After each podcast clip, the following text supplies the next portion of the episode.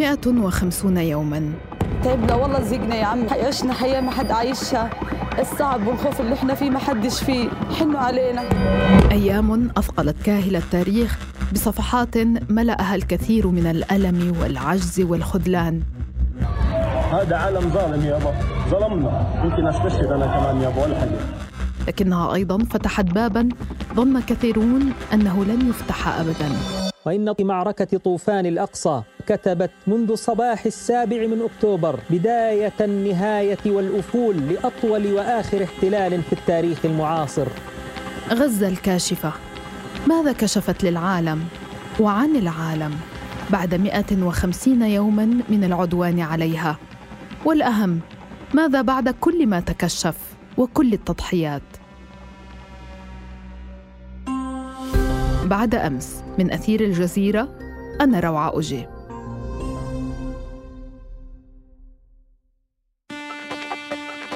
موقع مأزوم. ذلك الذي يقف فيه ساسة وجنرالات إسرائيل اليوم.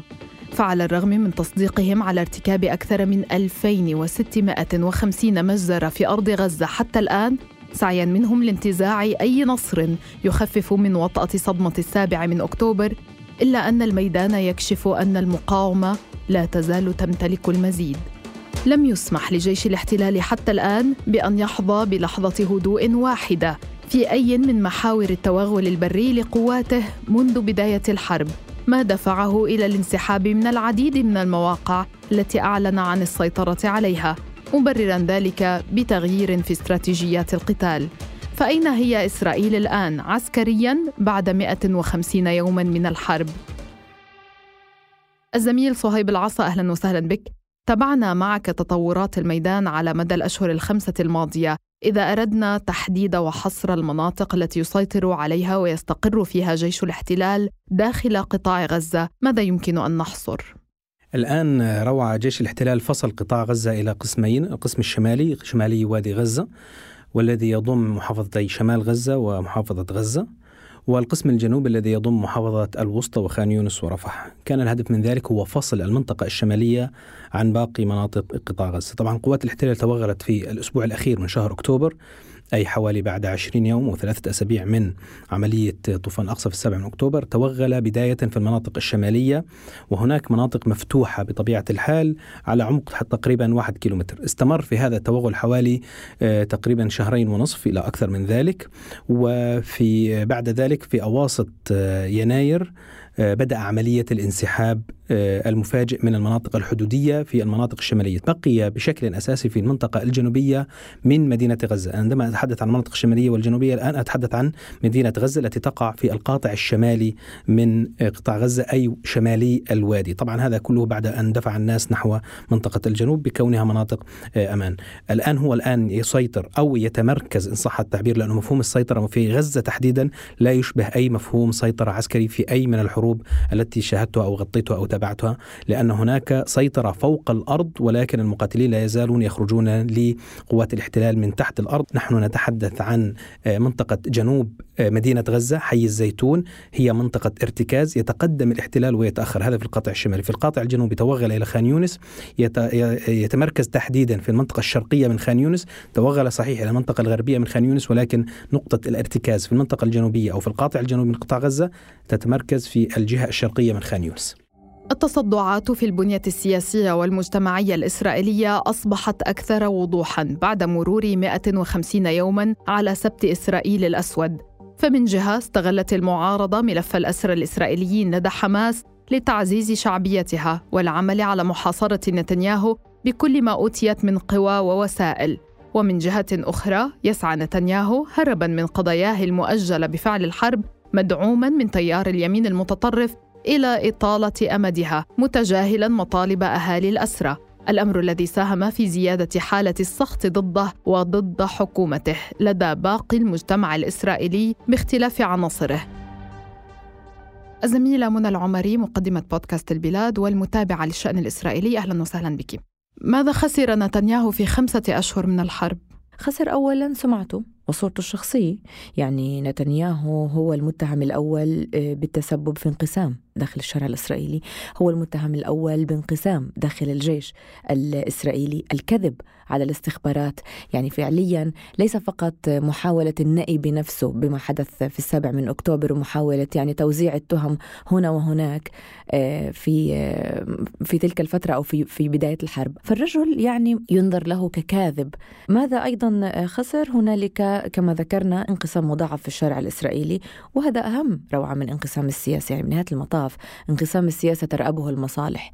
بنهاية المطاف التيارات داخل إسرائيل واضحة ومعروف وسيجدون طريقة ما لتشكيل آه، حكومة حتى لا يذهبوا إلى انتخابات آه، إضافية.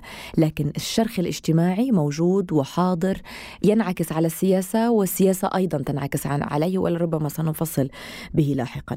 حصد أيضا علاقة سيئة مع الولايات المتحدة الأمريكية. الآن إدارة هذه العلاقة تحتاج إلى مزيد من الدقة والانتباه أكثر فأكثر. خاصة روعة أن الموضوع لا يقتصر فقط على إعطاء إجابات للأمريكان وتقديم سيناريوهات واضحة. الأمريكان يريدون إجابات يريدون سيناريو يعني ماذا ستفعل في اليوم التالي للحرب؟ ما هي خطة اجتياح رفح؟ ماذا ستفعل في المدنيين؟ يريدون إجابات واضحة ومنطقية. نتنياهو لا يملك هذه الإجابات وبالتالي هو يحاول طوال الوقت أن يكسب الوقت. خسر نتنياهو أيضا بأنه صحيح الرجل يمسك سياسيا العصا من الوسط ما بين الراديكاليين والعقائديين وما بين جنرالات الجيش أو من يمثلون يعني بشكل أو بآخر التيارات الليبرالية كما جانتس وآيزنكوت لكن هذا يجعله يقدم تنازلات مقابل تنازلات حتى لا ينفرط عقد آه، الحكومة الائتلاف الحاكم ولا ينفرط عقد أيضا في المقابل آه، حكومة الحرب الموسعة. في عهده خسر أيضا بأن ذهبت بلاده إلى العدل الدوليه بتهمة الإبادة. وهذه خسارة تحتاج إلى ترميم وإلى وقت وإلى زمن وإلى استراتيجيات. أيضا هنالك استطلاعات رأي تعطي هذا الرجل 18 مقعدا مقابل 36 مقعد لجانت. وهذه بالنسبة لنتنياهو أم المعارك وأم الخسائر فعليا. أضيف إلى ذلك روعة والأهم من كل ذلك أنه شاء أم أبى يعترف أو لا يعترف هو والغرب هنالك كارثة إنسانية في قطاع غزة مسجلة باسمه وباسم إسرائيل في هذه الحرب. طب ماذا ربح؟ هنالك أرباح. مقارنة مع هذه الخسائر بالفعل هنالك أرباح. تأجيل نوعا ما لمحاكمه. كان يواجه ثلاثة قضايا فساد فعليا نتنياهو. إضافة إلى أنه رجع ليقول سواء للمجتمع الدولي أو للولايات المتحدة التي تسعى إلى تبديله بالمناسبة. وأيضا إلى الجمهور الإسرائيلي بأنه إذا كان هنالك خاصة في ظل كل هذا الانقسام الحاصل في الشارع الإسرائيلي من يستطيع أن يمسك العصا من الوسط ويحدث توازن فهو نتنياهو. طبعا حسب وجهة نظره. يعني صحيح هنالك مطالبات بأنه يرحل نتنياهو والشارع الإسرائيلي يقول نريد انتخابات اليوم ولكن هؤلاء يعلمون جيدا أنه برحيل نتنياهو هنالك اقتتال سياسي مشهد اقتتال سياسي فعليا في, في الشارع الإسرائيلي. نقطة إضافية. ربحها نتنياهو وفعليا إسرائيل في هذه الحرب بأنها باتت سوق استعراضي للأسلحة. أي نعم الاقتصاد يتهاوى. لكن أيضا بالمقابل هنالك سوق استعراضي ممتاز للأسلحة بالنسبة للإسرائيليين سواء الأسلحة التي يستخدموها في قطاع غزة أو التي يستخدموها في, في جنين. خمسة أشهر مرت ببطء على من يعد الصواريخ والشهداء والدمار. 216 ألف دقيقة مرت ببطء أكبر على الأمعاء الخاوية وعيون ترقب الحصيلة المستمرة في الارتفاع تسأل عن من يتوقف عن العد ليرأف بحالها. خبر عاجل آخر بحسب وزارة الصحة في غزة ارتفاع عدد ضحايا العدوان الإسرائيلي حتى الآن إلى 30410 من الشهداء و 71700 جريح منذ السابع من أكتوبر الماضي. لم يترك الاحتلال سلاحا لم يستخدمه في غزة. القصف جوا وبرا وبحرا وسياسة الأرض المحروقة والتدمير والنهب ولمن ينجو من كل ما سبق الحصار والتجويع. إحنا قلنا في الحرب أكثر من أربع شهور. أكل مش ملاقين. بيت ملناش. لما بنام بالثلاث بالاربع أيام مش ملاقي رغيف خبز صداري. الأوضاع الإنسانية في قطاع غزة شكلت الدافع الأكبر للعديد من التحركات غير المسبوقة شعبيا في العالم، ما شكل ضغطا جديدا من نوعه على حكوماتهم، دفع العديد من أصحاب القرار إلى التراجع وتعديل مواقفهم من الحرب، لكن أي من تلك المواقف المهادنة المستجدة لم يسفر حتى الآن عن واقع ملموس يخفف ما تعرض له أهل غزة الدكتور حسن البراري الأستاذ الجامعي المتخصص في العلاقات الدولية في جامعة قطر أهلا وسهلا بك بعد خمسة أشهر من الحرب على غزة أين تقف الولايات المتحدة في هذا الملف اليوم بالنظر كونها الداعم الرئيسي لإسرائيل في هذه الحرب؟ يعني الولايات المتحدة الأمريكية ما زالت الداعم الرئيسي وربما الوحيد الآن في العالم الذي يدعم أهداف الحرب. أهداف الحرب يعني تم تعريفها إسرائيليا وأمريكيا منذ البداية بإطلاق سراح الأسرى والمحتجزين وأيضا آه، إنهاء حكم حماس في غزة، يعني الولايات المتحدة الأمريكية لم تغير من أهداف الحرب آه، وإن اختلفت مع الحكومة الإسرائيلية الحالية برئاسة بنيامين نتنياهو على الستايل بمعنى ما هي الخطوات التي ينبغي أن تسلكها إسرائيل للوصول إلى ذلك الهدف. وما هي الأولويات؟ هناك الآن في أنا بتقديري أن أن الطرفين وصلا إلى مفترق طرق فيما يتعلق بما يريدان يريدان.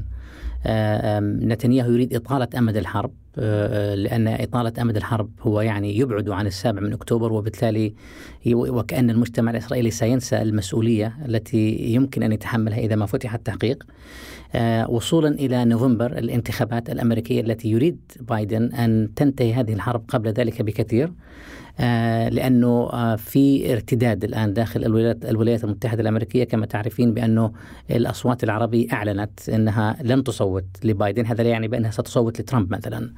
لكنه سيخسر هذه الأصوات. وأيضا هناك يسار الحزب الديمقراطي آه، أصبح يثير ضجة كبيرة جدا باتت تحرج بايدن، فبايدن من مصلحته السياسية أن تنتهي الحرب بأسرع وقت. ممكن في حين أن نتنياهو أنا بتقديري أنه أيضا يتلاعب بفرص بايدن في الفوز وهو يريد أن يعود آه، ترامب إلى الحكم في في نوفمبر.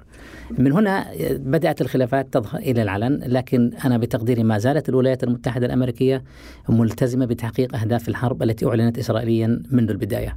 يعني بدأت الإجابة بالقول أنها تبدو الآن الوحيدة الماضية في دعمها لإسرائيل في هذه الحرب. المجتمع الدولي يعني كان هناك تضامن واسع مع إسرائيل في البداية، دعم لحربها ثم بدأ يتراجع آه، تدريجيا ولكننا شهدنا عجزا يعني يخرج الأمين العام للامم المتحدة يتحدث عن ضرورة وقف الحرب عن ضرورة إدخال المساعدات ولا يدخل يعني إلا بالقطارة ما يريده الإسرائيليون وفقط ما يريده الإسرائيليون هل ما زال بإمكان المجتمع الدولي أن يلعب دورا في هذه الحرب؟ أنا بتقديري أن المجتمع الدولي لعب دورا بارزا في الآونة الأخيرة يعني على الأقل في الستة أسابيع الماضية وشفنا إحنا موقف المحكمة وشفنا أيضا التضامن الدولي مع المجتمع الفلسطيني الذي جاء على شكل مظاهرات وجاء أيضا على شكل تراجع بعض قادة الدول الغربيين عن مواقفهم السابقة التي كانت داعمة بشكل كبير جدا آه، لإسرائيل، الآن هناك تراجع واضح وملحوظ وأيضا حتى الأمم المتحدة على رئيس آه، لسان لسان لسان الأمين العام للأمم المتحدة غوتيريش وحتى جوزيف بوريل في الاتحاد الأوروبي أصبحوا ينتقدون بشكل مباشر الحرب وبداوا يقتربون من وصفها بحرب إبادة. آه هذا التغير مهم جدا لكن علينا أن نفهم بان علينا أن نفهم أو نتذكر جيدا بانه اللعبة هنا آه آه بمعنى دور المجتمع الغربي الدولي الغربي تحديدا على وجه التحديد بأن هو الذي يصنع الفرق. هو دور تكميلي لدور الولايات المتحدة الأمريكية بمعنى أنه لا يتحدى الولايات المتحدة الأمريكية وهذا عنصر يجب أن نأخذه في الحسبان عندما نحلل. لكن هو يضغط أيضا وهذا الضغط مفيد جدا على الولايات المتحدة الأمريكية التي باتت ترى بأنها معزولة وباتت ترى بأن صورتها آه، كدولة حاملة لقيم حقوق الإنسان آه، والديمقراطية بدأت تتأثر لأنها بدأت تبدو للعالم بأنها دولة بمعايير مزدوجة. وهذا أيضا يعني آه، يعمق من من مأساة الرئيس بايدن. ويعمق من مأساة إسرائيل. يعني هناك القوة الموجودة في الولايات المتحدة الأمريكية التي تدعم إسرائيل باتت تخشى على صورة إسرائيل في المجتمع الدولي وهي صورة أنا بتقديري يعني تلطخت في الطين الآن بعد حرب الإبادة الجماعية والتجويع وأيضا التصريحات التي تأتي على لسان كبار المسؤولين الإسرائيليين بأن الإند جيم في نهاية الأمر سيكون الترحيل. آه فبالتالي هذا إن دل على شيء يدل على أنه القضية التي رفعت في المحكمة العدل الدولية تكتسب زخما الآن على اعتبار أن النوايا واضحة باتت تماما آه، آه، تتجه باتجاه التهجير. آه، هنا يعني يأتي دور المجتمع الدولي الذي يضغط لكنه لا يستطيع أن يصنع الفرق لأنه التحالفات السياسية داخل إسرائيل ما زالت باتجاه الحرب. هناك شبه إجماع صهيوني على أهداف الحرب، هناك انقسامات إسرائيلية على من سيقود إسرائيل في المرحلة اللاحقة، هناك محاولة تدخل أمريكا من أجل إعادة إنتاج حكومة إسرائيلية تستجيب أو تتماشى مع المصالح الأمريكية في في مدة الحرب ونهايتها. واليوم تحديدا آه، ذهب آه، الوزير آه، بني كانس للقاء مسؤولين أمريكيين. وقد فسر ذلك بانه الالتفاف على نتنياهو أو أن الولايات المتحدة الأمريكية تحاول ان أن تقدم بني جانس ليكون بديلا لنتنياهو على اعتبار أن نتنياهو لا يمكن التعامل معه وأنه يخادع الجميع. مرة ثانية الضغط الدولي مهم جدا لكنه لن يصنع الفرق إن لم يتحول ذلك إلى بمعنى إلى أن الرئيس الأمريكي يشعر بأن من مصلحته الانتخابية إنهاء الحرب. بالتالي شفنا إحنا في الأسبوع الماضي كان يتحدث عن يوم غد كموعد للتوصل إلى إلى إلى التهدئة أو اتفاقية الإطار كما تسمى أو اتفاقية وقف إطلاق النار سواء كان مؤقت أو غيره آه، لأنه لا يمكن للرئيس بايدن أن يمضي في هذه الانتخابات والحرب مفتوحة. بضمن هذه المعادلة ما وزن المواقف العربية إن كان لها وزن وما هي هذه المواقف اليوم؟ هل هي على قلب رجل واحد في مطلب إنهاء الحرب؟ يعني كان للمواقف العربية التأثير الأكبر من كل اللاعبين الدوليين لو كان هناك اتفاق عربي. يعني آه، لغاية الآن آه، هناك انقسام عربي آه، وهذا الانقسام واضح تماما. في هناك دول ترى بأن هزيمة حماس هي من مصلحتها وهناك دول ترى بأن صمود الفلسطينيين على أرضهم هو من مصلحتها. لكن إذا تحدثنا عن الدول الوازنة بمعنى الدول التي تستطيع أن تصنع الفرق هي دول إلى حد كبير جدا أنظمتها. تواطأت إنجاز التعبير آه، مع ما يجري هي لم ترفع صوتا حقيقيا. طبعا هناك أصوات لفظية. أنا هنا أتحدث عن عن أصوات يمكن أن تؤثر. وشفنا إحنا في الاجتماع القمة الذي جرى في الرياض آه، قبل شهرين أو ثلاث أشهر حتى يعني بعد شهر من بداية آه، المعركة أو الحرب. اتخذت قرار كسر الحصار لكن لا أحد الآن يتحدث عن كسر الحصار. آه، وكأن وكأنهم قالوا يعني إحنا قمنا بما ينبغي ولكن نترك الآن إلى الولايات المتحدة الأمريكية والمجتمع الدولي. طيب المجتمع الدولي يقوم بدور كبير جدا وضاغط وهذا مهم جدا. الولايات المتحدة الأمريكية بدأت تغير نوعا ما من من آلية التعامل مع المسألة ولكن ليس مع أهداف الحرب. آه لكن لا الولايات المتحدة الأمريكية ولا المجتمع الدولي ولا إسرائيل تدفع ثمنا لقاء هذا الانحياز ضد الفلسطينيين لا تدفع ثمنا في علاقاتها العربية. ما زالت مصالح العربية وبالمناسبة المكون الوحيد الذي يضع تسعيرة عالية على الغرب لقاء هذا الموقف هو أنصار الله الحوثيين. يعني أغرقوا سفينة سفينة نقل بريطانية وأشغلوا البحر الأحمر وخلقوا يعني بلبلة هذا هذا المطلوب مش هذا المطلوب يعني أن أحرض ضد ذلك لكن هذا النوع من العمل الذي يمكن أن أن يذكر الغرب بأن هناك ثمن باهظ لهذا الانحياز هو الذي يغير في مواقف هذه الدول إن كان هناك في تراكمية وإن أخذ زخما أكبر وعلى نطاق أوسع. المدنيون في على أرض غزة يريدون وقف الحرب طبعا يريدون وقف القصف. إسرائيل تكرر أنها لا تريد سوى هدى مؤقتة وتسعى جاهدة لهدنة خلال رمضان وحماس من جهتها تطالب بوقف كامل لإطلاق النار ووقف كامل للعدوان الإسرائيلي على القطاع. ما قراءتك بين هاتين الرغبتين؟ يعني لابد أن يكون هناك تسوية يعني بمعنى كل طرف يأتي دائما بأقصى قدر ممكن من المطالب لكنه لا يستطيع أن يحقق كل شيء لأنه هاي المعركة ما فيها منتصر واضح يعني فيها كل طرف يستطيع أن يدعي بأنه حقق شيئا. المقاومة في تقول بأنها صمدت وبالفعل هي صمدت وأنها لن تذهب أي مكان آخر وأن كلفة تصفيتها باهظة على إسرائيل. آه، وإسرائيل تقول بأنها تحقق إنجازات على الأرض لكنها لم تقترب بعد من أهداف المعركة. هو إطلاق سراح الأسرى آه، والرهائن آه، وأيضا يعني القضاء على حماس على على حكم حماس في غزة. ما زلنا بعيدين عن هذين ال...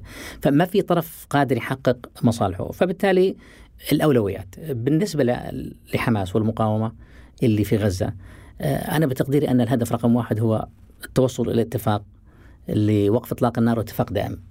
لأنه الآن الحرب وصلت إلى مرحلة يمكن معها أن يحدث التهجير آه مع مع بالغ التقدير آه لكل التضحيات التي قدمت الآن ربما وصلوا إلى مرحلة تستطيع إسرائيل فيها ان ان أن تنفذ الهدف الأبعد التي وهو كما يقال elephant in room يعني الفيل في الغرفة الذي لا أحد يتحدث عنه هو إنه هل بالفعل كان نتنياهو يريد أن يعيد الأسرى؟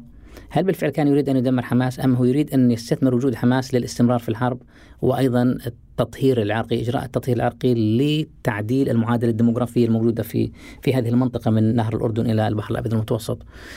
هناك في أشياء كثيرة يعني أنا غير قادر أحاسبها تحليليا لأنه ما عندنا معلومات ما في حدا عنده معلومات.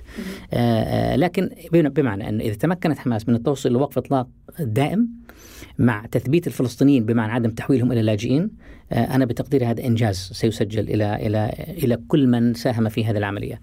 آه، وبالنسبة لإسرائيل أيضا هي تعرف بأنه كلما استمرت الحرب أوكي هناك فائدة شخصية لنتنياهو لكن يخسرون آه، الرهائن يوما بعد يوم هناك المزيد من القتل وهذا القتل يأتي أيضا بنيران صديقة كما يقال بنيران إسرائيلية.